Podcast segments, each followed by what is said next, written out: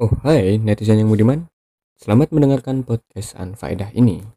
Terima kasih.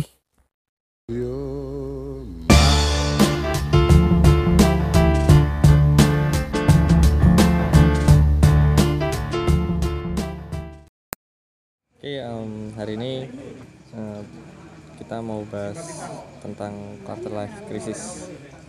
Kalau dari namanya quarter itu seperempat seperempat abad. Abad. Jadi permasalahan yang dialami manusia di seperempat abad umurnya. Kayak gitu. Ya, jadi quarter life crisis ini biasanya dialami oleh orang yang berumur sekitar 20 sampai 25 Iya, biasanya seperti itu. atau, atau di usia yang produktif. Ah, eh, jadi quarter life crisis ini kebanyakan dialami oleh eh, manusia di usia remaja akhir menjelang dewasa awal. Oke. Nah, hal- biasanya hal, ini tuh terjadi karena bukan bukan karena eh, terjadi ketika mereka berada di tahap akhir sekolah atau awal kuliah atau bahkan ad- ada yang sampai saat ini atau di usia kerja awal itu masih masih aja ng- mengalami quarter life crisis kayak gitu. Jadi sebenarnya range range apa namanya range usianya nggak bisa dipatenkan sih. At least at least di rentang segitulah gitu. Itu itu eh, yang selama ini saya ngerti sih. Jadi mungkin untuk teman-teman yang mendengarkan kami mohon maaf sebelumnya karena mungkin terlalu ramai dan Noise. terlalu banyak suara di sini karena jelas-jelas kita merekamnya di coffee shop memang. Dan ini sudah pasti atau yang mengisi di sini adalah salah satu mahasiswa psikolog. Oke. Jadi teman-teman yang mendengarkan semoga bisa mengambil hikmahnya dan mengambil pelajarannya seperti itu. Oke. Jadi sebenarnya kalau untuk Mas sendiri ya, untuk quarter life crisis sendiri ini menurut Mas itu seperti apa sih kalau dari opini pribadi ya? Kalau dari opini pribadinya seperti apa gitu? Eh, sebenarnya kalau dari opini pribadi quarter life crisis itu adalah eh, permasalahan apa aja yang terjadi ketika ya kayak kayak yang tak bilang tadi di usia-usia remaja akhir dewasa awal. Permasalahan-permasalahan ini seputar eh, eh, apa namanya mimpi-mimpi di masa depan cita-cita dan kawan-kawan.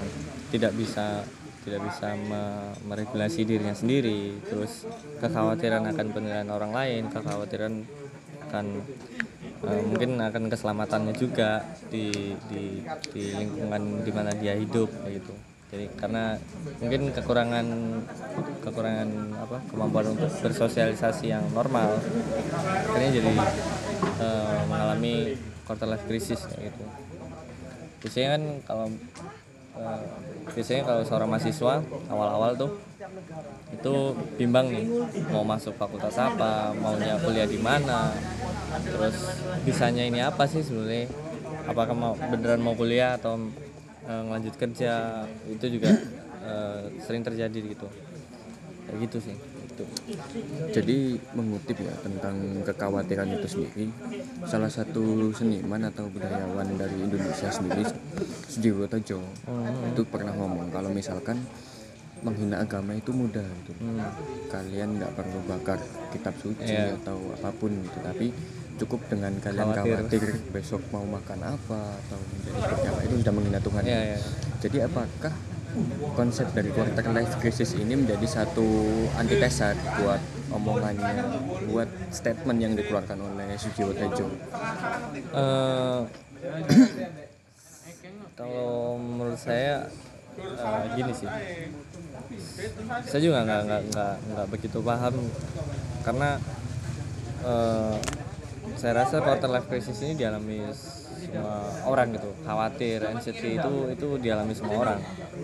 Nah cuman tahap-tahap anxiety kan ada banyak ada klaster-klasternya ada yang sekedar anxiety ada yang uh, dan dia bisa dia bisa apa namanya dia bisa menyalurkan anxiety-nya dengan uh, dengan melakukan hal yang lain dengan menumpahkan emosinya dengan ke hal yang lain dan tentunya lebih positif ada ada juga uh, tahap di mana dia itu mulai psikosomatis. Ketika ada uh, ada stimulus masuk ada stimulus masuk uh, ada apa anxiety akhirnya dia anxiety tapi dia nggak bisa nggak bisa menyalurkan. Yang terjadi adalah uh, udah udah mulai terjadi proses kayak tiba-tiba mual tiba-tiba apa namanya uh, keringat dingin tapi sejauh sejauh ini kalau misal anxiety-nya masih dalam tahap seperti itu dan dia bisa ngelewatin nggak masalah sih. Nah uh, terkait sama apa yang di apa yang diucapkan sama Sujiwo Tejo uh, ada benarnya ada benarnya bahwa ya karena semua ini udah ada yang ngatur ya harusnya kekhawatiran-kekhawatiran yang seperti itu tuh tidak terlalu diambil pusing. Dipikirkan boleh tapi tidak terlalu diambil pusing. Ya karena itu tadi udah ada, udah ada yang ngatur. Yang jelas mengusahakan yang kita inginkan at least kita tahu lah apa yang kita inginkan. Oke. Nah, kayak gitu.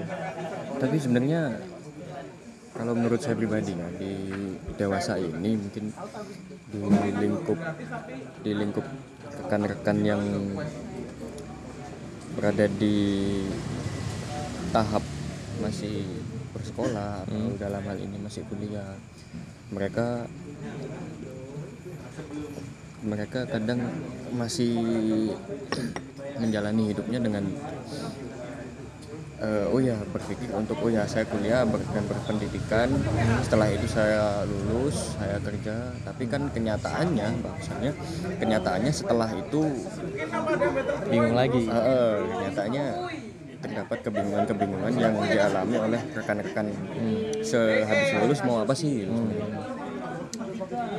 Eh, namun gini saya juga sering baca di timeline Twitter di sosial media kan.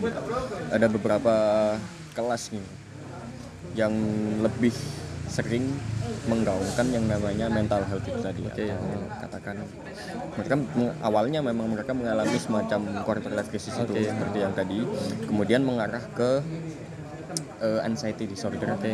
Setelah itu mereka lebih jauh lagi karena kekhawatiran-kekhawatiran yang menumpuk, akhirnya mereka sampai eh, hilang arah, hilang tujuan, akhirnya sampai worst case-nya adalah mereka sampai bunuh diri. oke nah, Itu sering ter- terjadi ya. ah, Ternyata ternyata nggak menampik kemungkinan bahwa teman-teman yang memiliki eh, yang memiliki pendapatan lebih atau karena case yang saya baca ya orang-orang yang memiliki pendapatan lebih dan tidak bisa menyelesaikan masalahnya atau tidak bisa menemukan satu kebahagiaan bagi diri mereka sendiri.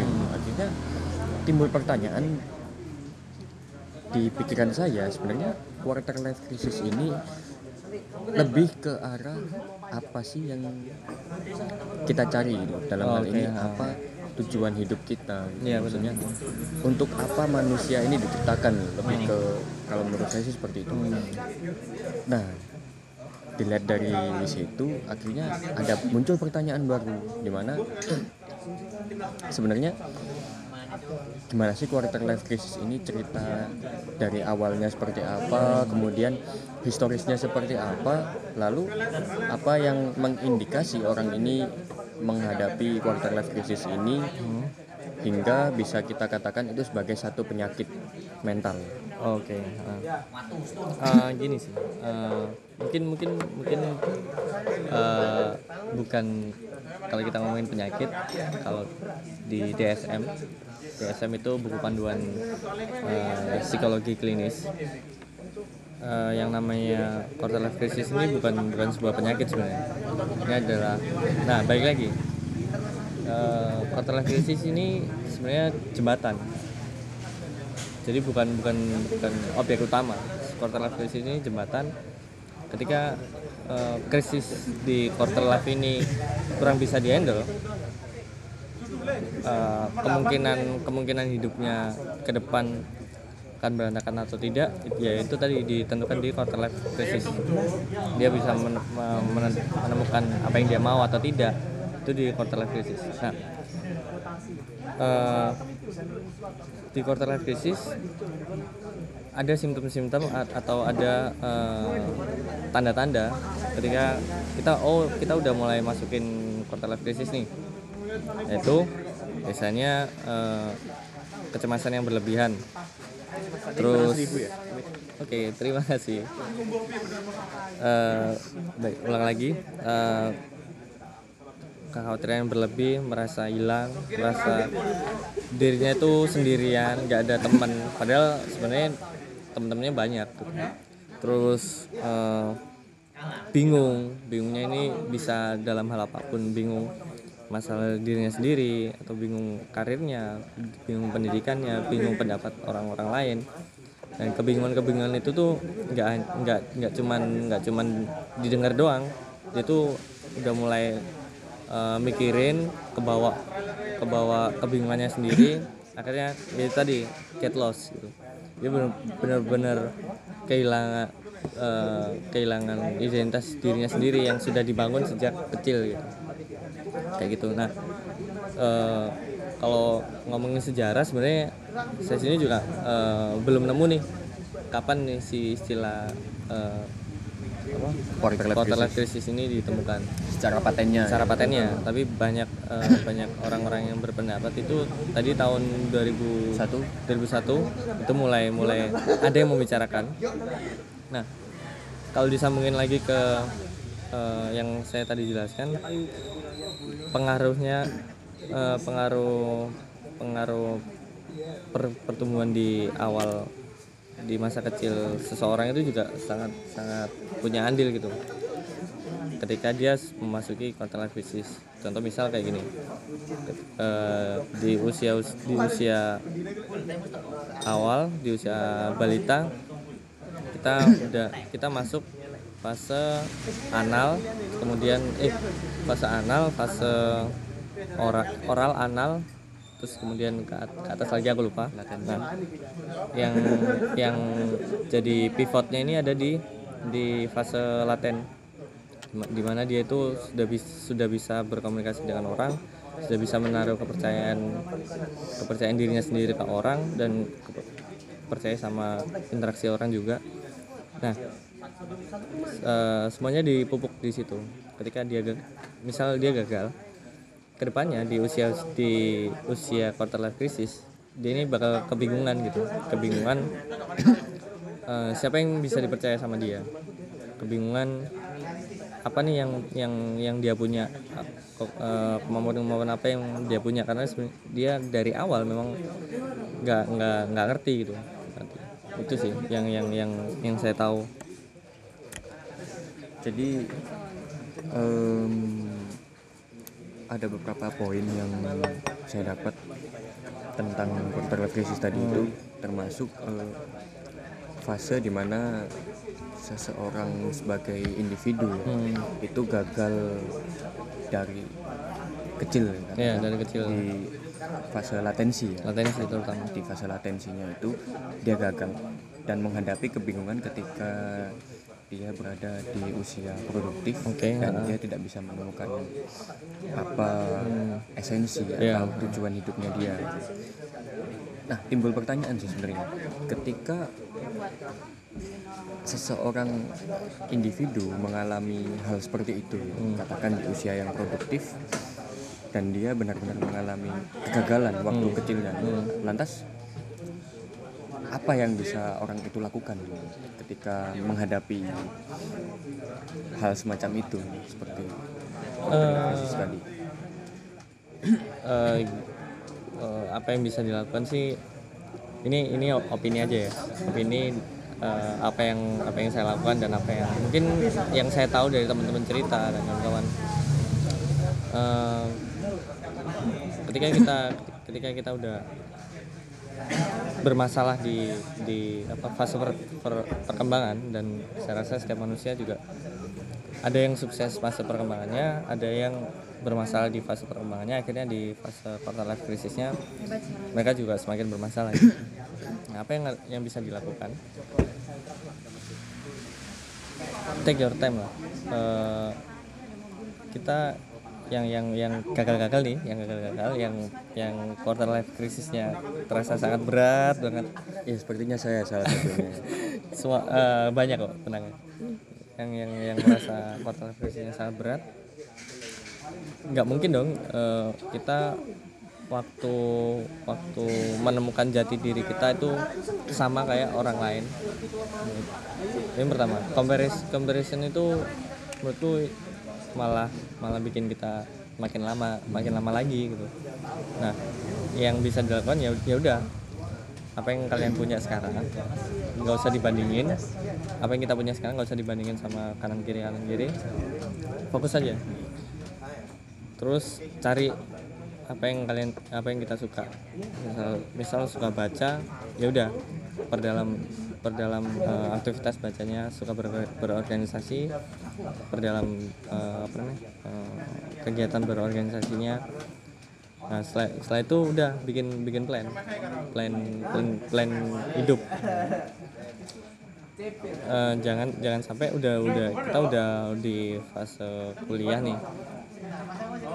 Kita bikin planning hidup di masa kuliah aja menurutku udah udah sebenarnya udah telat tapi at least kita bikin nah, ketika kita udah di fase quarter life crisis tapi kita nggak nggak nggak bikin apa-apa nggak bikin nggak bikin apa namanya planning. Yang ada malah pertama mungkin bosen bosen ngerasa ngerasa sendiri ngerasa nggak nggak nggak punya teman dan kawan-kawan. Itu sih. Ya planning number one. Dari teman dari teman-teman yang cerita juga kebanyakan bingungnya itu karena emang nggak nggak nggak nggak ada nggak ada rencana gitu. Mau apa mau apa. Kalau kamu kamu sendiri gimana? Yang yang yang pernah dialamin atau teman-teman? sebenarnya tentang quarter life crisis sendiri ya saya jujur kalau saya pribadi saya uh, semacam saya nggak tahu sih sebenarnya itu emang benar dinilai sebagai satu quarter life hmm. crisis atau seperti apa gitu atau itu sebagai satu ancaman atau penyakit atau menurut saya itu menurut saya itu nggak lebih dari sekedar fase hidup ya. Hmm, fase jembatan. Hmm, menurut saya sih seperti itu. Itu nomor satu. Yang kedua kalau saya pribadi lebih ke arah tujuan. Okay. gimana? Sebenarnya hakikatnya atau di dasarnya kita hidup atau saya pribadi hidup hmm. itu untuk apa sih sebenarnya karena kalau menurut kepercayaan saya eh, manusia itu ada di muka bumi karena untuk biar bermanfaat untuk menjadi ya selain itu bermanfaat untuk menjadi khalifah ya, okay. untuk itu okay. itu berdasarkan kepercayaan saya namun di sisi lain um, didasari oleh kejadian yang saya alami kemudian beberapa hal yang telah saya lakukan akhirnya kalau nggak salah pada tahun 2015 sekitar tahun 2015 2000 sekitar tahun 2015 2016an saya ngerasa kayak sebenarnya saya setelah lulus SMA saya masuk di salah satu di salah satu univ dan saya waktu di univ ikut di kegiatan luar kampus ya katakan LSM, NGO dan kayak bener-bener ngerasa hidup ini kok bener-bener timpang hmm. Karena adanya kelas-kelas sosial yang diciptakan oleh masyarakat itu sendiri okay. yang membuat saya berpikir akhirnya yang membuat saya berpikir gimana sebenarnya apa sih hmm. apa yang bisa saya lakukan dan apa sebenarnya untuk apa saya hidup sih lebih tepatnya kenapa sih saya hidup okay. untuk dan hingga sekarang pun saya masih mencari akan hal itu hmm. Lebih ke arah um, untuk apa saya hidup lebih ke arah itu untuk berarti apa saya berarti uh, ada satu, satu satu poin nih yang saya dapat. Selam eh, selama proses eh, mungkin quarter life crisis ya kita kita bisa sebut eh, selama proses quarter life crisis eh, kamu ini nyari nyari apa nih karena kamu udah punya value bahwa eh, keberadaan manusia ini untuk jadi khalifah Hmm, kira-kira apa nih yang yang bisa kamu lakukan untuk eh, jadi apa eh, orang yang seperti itu benar ya? Kurang lebih gini selain mencari saya melakukan apa yang ada di otak saya di pikiran saya itu yang merasa saya benar. Gitu. Oke. katakan saya mengambil pilihan untuk saya hidup di LSM ketika kuliah. Saya mencari penghidupan di situ dan celakanya saya mencari penghidupan ternyata tidak bisa gitu, di LSM itu dan apa yang saya cari di LSM ternyata saya tahu apa yang saya lakukan saya mendapat ternyata hidup seperti ini Oke. di di orang-orang yang di akar rumput gitu katakan saya tahu bagaimana maksudnya mereka bagaimana mereka hidup dengan di batas ekonomi paling rendah ya Oke. ketika manusia hidup dan akhirnya itu yang membuat saya berpikir gitu. Kenapa kok sampai ada kayak seperti ini? Dan di sisi lain untuk saya pribadi gitu apakah saya akan menjadi seperti mereka atau sebenarnya seperti apa sih? Kalau saya pribadi seperti itu. Akhirnya yang menimbulkan kebingungan masih berkutat di apa tujuan saya hidup. Oke. namun saya tetap melakukan eh, istilahnya saya tetap berada di jalur saya. Hmm, saya tetap melakukan apa yang saya percaya itu benar gitu. saya berpikir oh ketika katakan ada opsi A dan itu menuntut saya untuk berpikir lagi apakah yang saya lakukan ini benar? Akhirnya saya mengkaji ulang setiap tindakan dan sebelum melakukan tindakan itu sampai akhirnya jadi tindakan itu meskipun meskipun tidak menuju ke tujuan yang saya cari Oke. nah. karena sampai sekarang saya masih mencari tujuan itu Berarti eh, bisa bisa dibilang punya tujuan dulu nih, punya tujuan, eh, punya value dan value itu udah dibawa dari dari kecil tentunya kan. Terus eh, waktu melakukan apa yang yang kamu lakukan itu mengesampingkan hasil. Mungkin karena kamu mengesampingkan hasil, kekhawatiran-kekhawatiran di quarter life crisis itu jadi berkurang. NCT-nya jadi berkurang. Karena eh, kalau kalau kita ngomongin tadi balik lagi ke ke penyebab penyebab quarter life crisis itu kan ada eh, yang namanya anxiety, loss dan kawan-kawan. Nah, ketika stimulus-stimulus anxiety ini bisa kita redam, ada kemungkinan eh, quarter life kita jauh lebih eh, mudah untuk di- dilalui ke masa lalu kemudian ke lanjut ke masa dewasa. Karena ya bener sih kalau kalau aku, aku boleh cerita sam, bahkan sampai sekarang aku belum lulus nih. Aku belum lulus kuliah.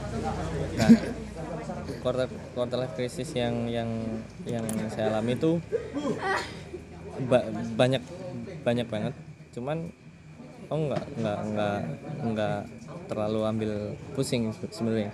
Dan tidak menganggap ini ada sebuah masalah besar di antaranya adalah masalah eh, ada masalah ekonomi, masalah pendidikan, masalah percintaan, masalah karir dan kawan-kawan. Dan semua itu sambung menyambung menjadi satu gitu.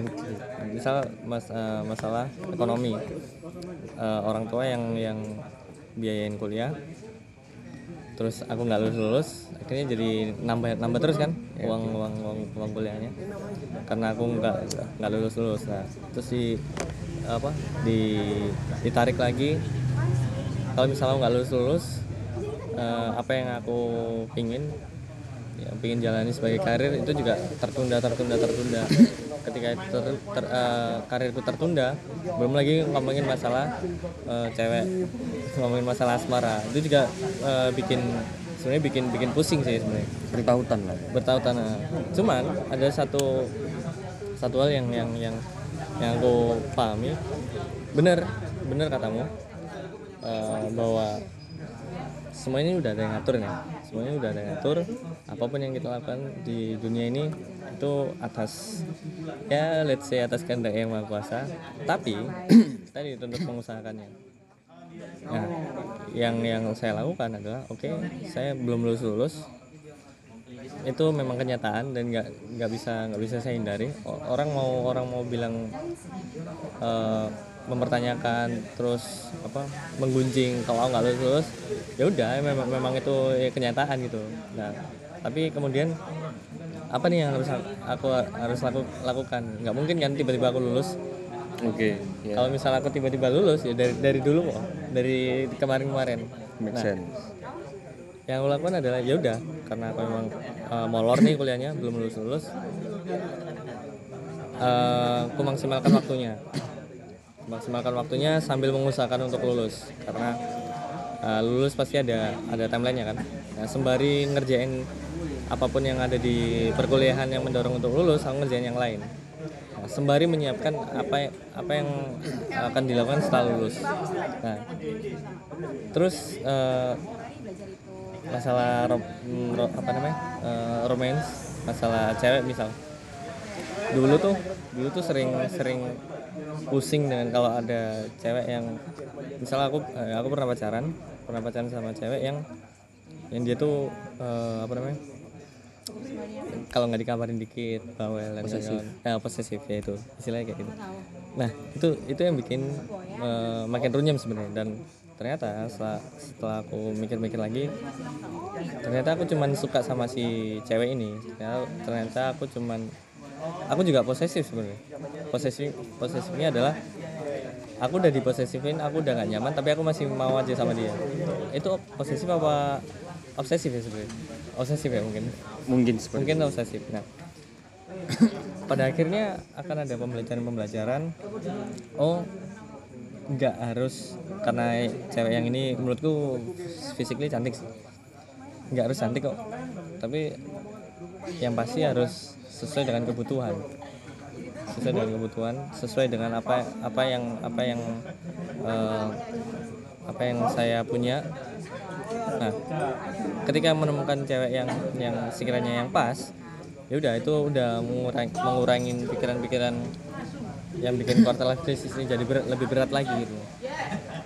Terus cuek itu penting sih menurutku. Cuek itu penting menurutku karena balik lagi eh, kita nggak hidup sendiri apa pun yang kita lakukan itu bakal banyak komentar. Entah itu komen, komentar positif atau negatif dan semakin tinggi eh, dan sem- eh, semakin tinggi kualitas kualitas hidup kita entah itu secara materi fisik atau eh, mental semakin tinggi goncangannya bakal semakin semakin kuat. Ya untuk mengi- untuk meregulasi hal yang kayak gitu untuk ngurangin efek efek apa efek negatif cuek itu menurutku satu hal yang satu hal yang brilian yang diciptakan Tuhan gitu. Tuhan yang menciptakan cuek ya udah. Itu jadi senjata ampuh gitu. Itu sih untuk untuk yang yang yang sejauh ini saya lakukan untuk melancarkan crisis kayak gitu. kalau gini ya masih menyambung dari yang tadi. Menyambung masih menyambung tadi saya menangkap eh, beberapa menangkap beberapa poin Hmm. Eh, salah satunya adalah kehilangan identitas Iya, iya. Jadi kehilangan identitas di sini yang dimaksud kehilangan identitas sebagai makhluk atau kehilangan identitas seperti apa? Eh, pada dasarnya kita ini semua sama kan? Semua manusia man- manusia ini sama. Kehilangan ide- identitasnya ada dua nih. Kita lupa kalau kita itu manusia. Dan kita lupa kita ini model manusia yang seperti apa. Kayak gitu. Jadi eh, identitas identitas kita ini ada dua. Identitas eh, identitas kita eh, bahwa kita adalah manusia dan identitas kita manusia yang model seperti apa ketika gagal ketika ketika ga- kita gagal memahami dua konsep ini semakin berat pula di masa quarter life crisis gitu. Nah eh, contoh contoh contoh kalau kita lupa bahwa kita adalah manusia adalah contoh simpelnya kayak gini. Kita kita duduk bertiga misal kita duduk bertiga di tengahnya ada satu donat kita lapar. Kita lupa bahwa kita manusia. Ketika kita ya makan semua donatnya. Yang cuman satu itu. Tapi kita lupa bahwa teman teman-teman di sekitar kita itu juga lapar. Itu eh, manifestasi bahwa kita lupa bahwa eh, kita kehilangan identitas sebagai manusia nah lup- eh, kehilangan identitas yang berikutnya adalah kita model manusia yang seperti apa? Ya udah kita kan dari kecil udah diben- udah terbentuk secara sengaja atau tidak sengaja sebagai apa sebagai dimas yang seperti apa. Nah ketika kita lupa nih oh hanya hanya karena sosial bilang saya ini adalah seorang pen- pendiam. Kemudian di kemudian saya mem- mem- memanifestasikannya secara berlebihan. Saya terlalu terbuka di sosial. Hanya hanya karena eh, itu saya mendengarkan omongan orang lain gitu. itu sih. Mendengarkan omongan orang lain ya. Tapi gini ya menurut saya terdapat konstruksi ya di mana tentang ada satu konstruksi yang mengakibatkan kita kehilangan identitas gitu. Hmm, salah satunya katakan saya nggak ter salah satunya gini sekali lagi saya mohon maaf sebelumnya Ya. saya nggak bermaksud untuk blaming atau saya menyalahkan siapa pun. siapa pun itu namun ini hanya satu pemikiran yang terlintas di kepala saya. Hmm. Kehilangan identitas di sini satu menurut saya gini ketika kita kecil gitu kita dibentuk sedemikian kita diajari sedemikian rupa gitu loh oleh karena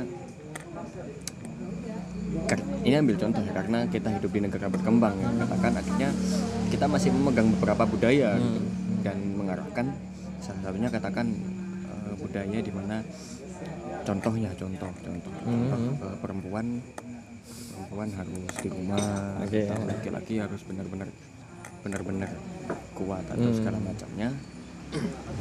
Laki-laki tidak boleh lemah atau menangis segala macam gitu kan. Dan itu dikonstruksi dikonstruksi. Ada konstruksi sosial di mana masyarakat pun mengamini akan hal itu. Hmm, oke jadi termasuk termasuk eh, kehilangan identitas ini yang saya maksud adalah ketika kita kecil gitu kita dibentuk sedemikian rupa oleh orang tua kita gitu. Hmm, hmm. orang tua kita mengarahkan oh kamu harus seperti ini kamu nanti harus menjadi seperti ini termasuk tentang memilih kepercayaan Oke. atau tentang hal-hal yang katakan tabu ya di- Hmm, katakan gender atau apa pun maksud saya adalah maksud saya di mana kehilangan identitas ini sudah kita alami gitu. Maksud bukan kita sih. Kebanyakan Kebanyakan. contoh, kebanyakan sudah dialami ketika kecil gitu. Di mana oh kamu kamu kalau kecil mau jadi cita-cita apa? Terus orang tua mengatakan oh kamu kalau besar harus menjadi dokter oh kalau kamu besar harus menjadi pilot. Dan itu ternyata ada beberapa teman saya yang itu memang teramini gitu hingga usia yang sekarang gitu. Katakan dari kecil orang tuanya Udah menginginkan dapet gitu. ya dari kecil orang tuanya menginginkan dia untuk menjadi dokter katakan. Hingga sekarang dia menjadi dokter. Dan akhirnya pendidikan dokter dia terganggu karena dia ngerasa oh ini nggak sesuai dengan apa yang saya butuhkan dan saya inginkan gitu. Akhirnya ya itu tadi dia menjadi dia menjadi nggak seberapa tertarik untuk menjadi dokter Hmm. Nah di sisi lain ada seperti yang tadi dibilang ya, ada kehilangan identitas itu sendiri gitu. Lantas ini sebenarnya yang dipertanyakan adalah ini harus berhenti kehilangan identitas ini hilang di umur berapa atau seperti apa sih gitu bisa hilangnya oke Eh, gini sih mungkin eh, yang yang yang terjadi adalah kehilangan identitas ini ini, ini sebe- sebenarnya menarik karena pasti banyak banget eh, anak muda anak muda di luar sana atau bahkan yang sudah dewasa itu sebenarnya punya mimpi A tapi petnya ada di B gitu. nah kehila- kehilangan identitas yang yang mereka alami kebanyakan itu ada di ya ini di di quarter life crisis ini. Ada di usia-usia remaja akhir dewasa awal. Cuman gini ketika eh, orang tua kita kan dari dari kecil kita ini nggak tahu nih kita eh, mimpinya apa. Itu menurutku menurutku kita nggak tahu. Yang kita tahu adalah kita suka apa kita nggak tahu ketika kecil kita nggak tahu bahwa eh, mimpi kita adalah sebagai seorang eh, apa namanya seorang pengusaha coklat. Tapi kita sukanya sama coklat. Sesimpel itu. Nah, kita di, di sama orang tua diperkenalkan dengan banyak hal. Bahkan mungkin diarahkan ya diarahkan gitu. Kayak kayak yang contoh yang tadi kamu bilang eh, sebenarnya identitasnya bukan di kedokteran ya bener ya? Bukan di kedokteran tapi petnya di kedokteran. Iya. Nah tapi eh, mau mau gimana pun eh, identitas dia yang di hal lain itu ma- masih ada sebenarnya. Masih masih melekat di dirinya karena dokter itu hanya bersifat apa ya namanya eh, identitas sosial aja. Misal Profesi. ya profesi. Misal dia seorang seorang yang suka desain seorang yang kreatif dan kawan-kawan tapi dia kerjanya di dok, eh, kerja jadi, jadi dokter. Selama dia masih melakukan apa yang dia suka itu nggak me- nggak tidak kehilangan identitas dirinya sendiri tidak kehilangan eh, siapa sih sebenarnya dia karena ya balik lagi eh, ada ada dua ada dua eh, titik kontrol di ada ya ada dua titik kontrol antara real, realita dan idealis. Kalian mau kita mau idealis 100% juga nggak bisa sebenarnya kita mau realistis 100% juga nggak juga nggak bisa itu. Nggak bisanya karena ya karena dua dua namanya dua titik ini sebenarnya bukan dua hal yang terpisah jauh. Ini sangat berdekatan. Kita mau idealis boleh. Kayak misal contoh tadi ideal, idealis untuk menambahkan pikirannya di desain nggak masalah. Tapi baik lagi dia dia sudah punya pet di mana dia jadi seorang dokter dan dokter itu pula juga punya value value tersendiri di masyarakat value tersendiri di keluarganya. Plus itu sudah menjadi profesi bagi dia ada pemasukan juga at least itu. At least ketika dia masih bisa melakukan apa yang dia suka dari kecil.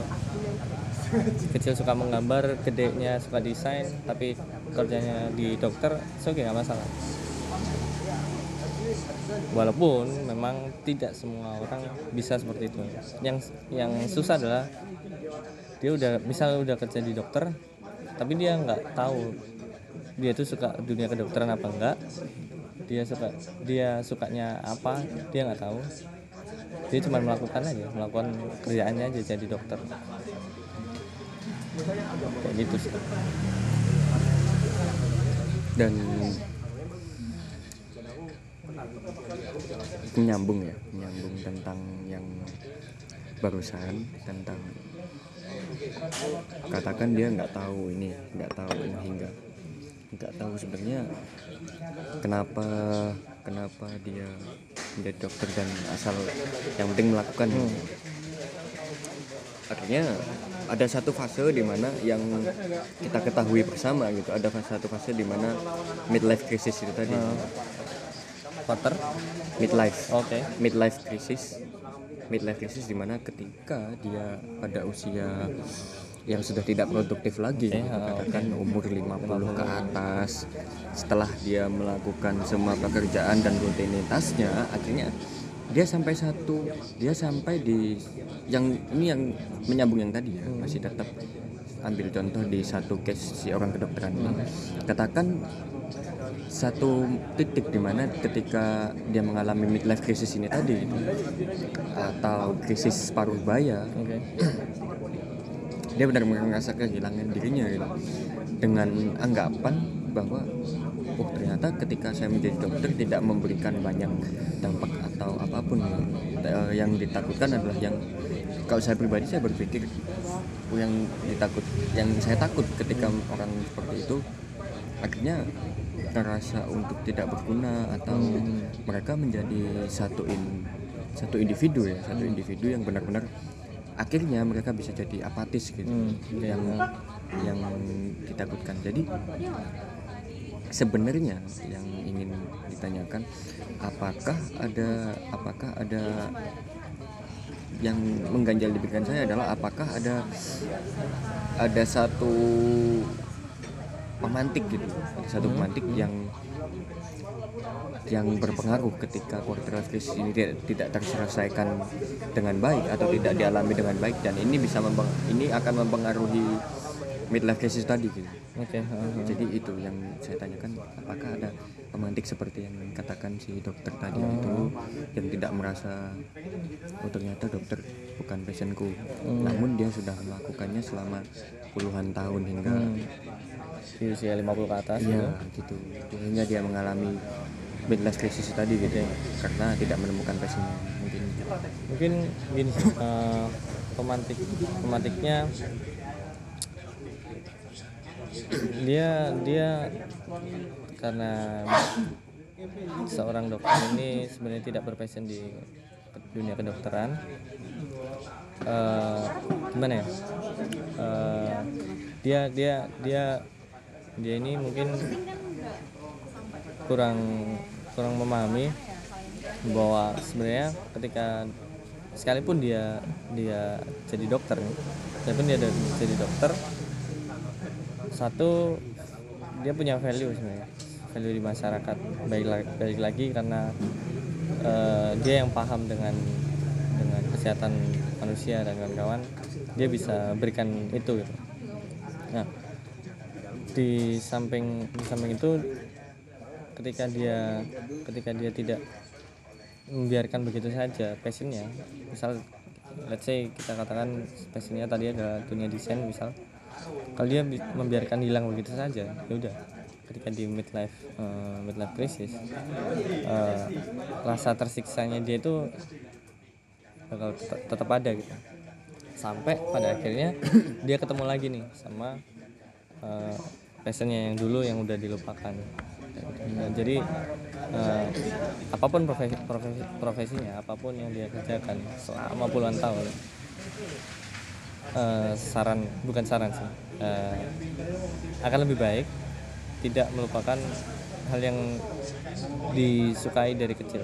Hal yang hal yang memang bikin dia semangat bangun di pagi hari untuk melakukan hal, hal yang sama berulang-ulang kayak gitu. Gitu sih Jadi kalau menurut saya terlalu banyak ya krisis yang dialami oleh banyak manusia. banget, banyak banget.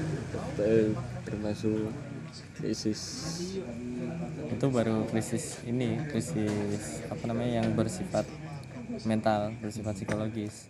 Belum lagi krisis ekonomi dan kan. Belum krisis kemanusiaan ya. krisis kemanusiaan. Jadi itu sih.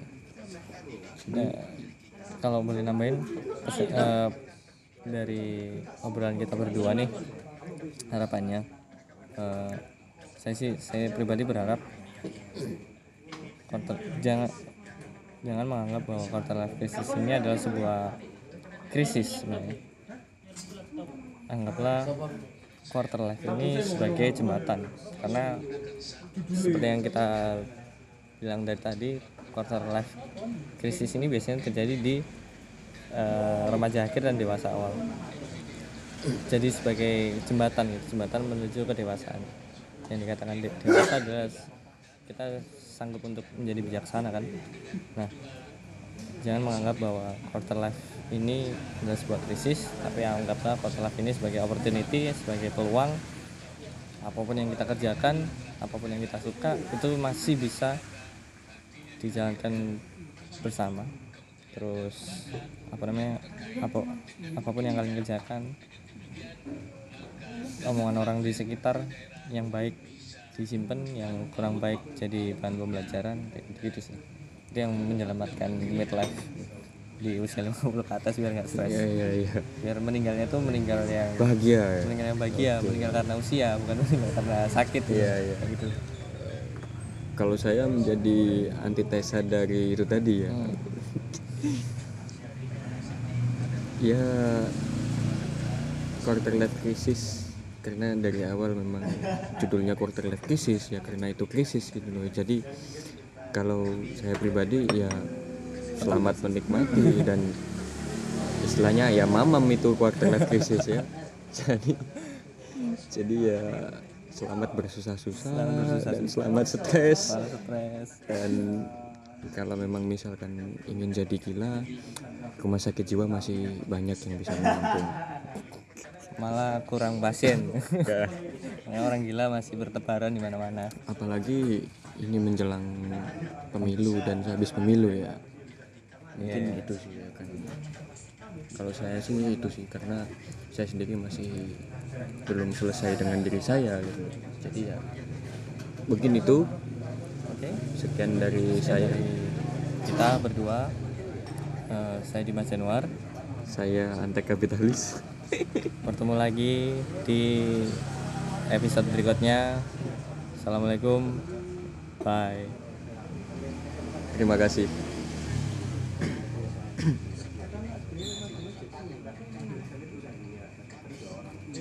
Terima kasih telah mendengarkan dan mohon maaf bila ada salah kata. Tetap semangat dan ceria. Salam.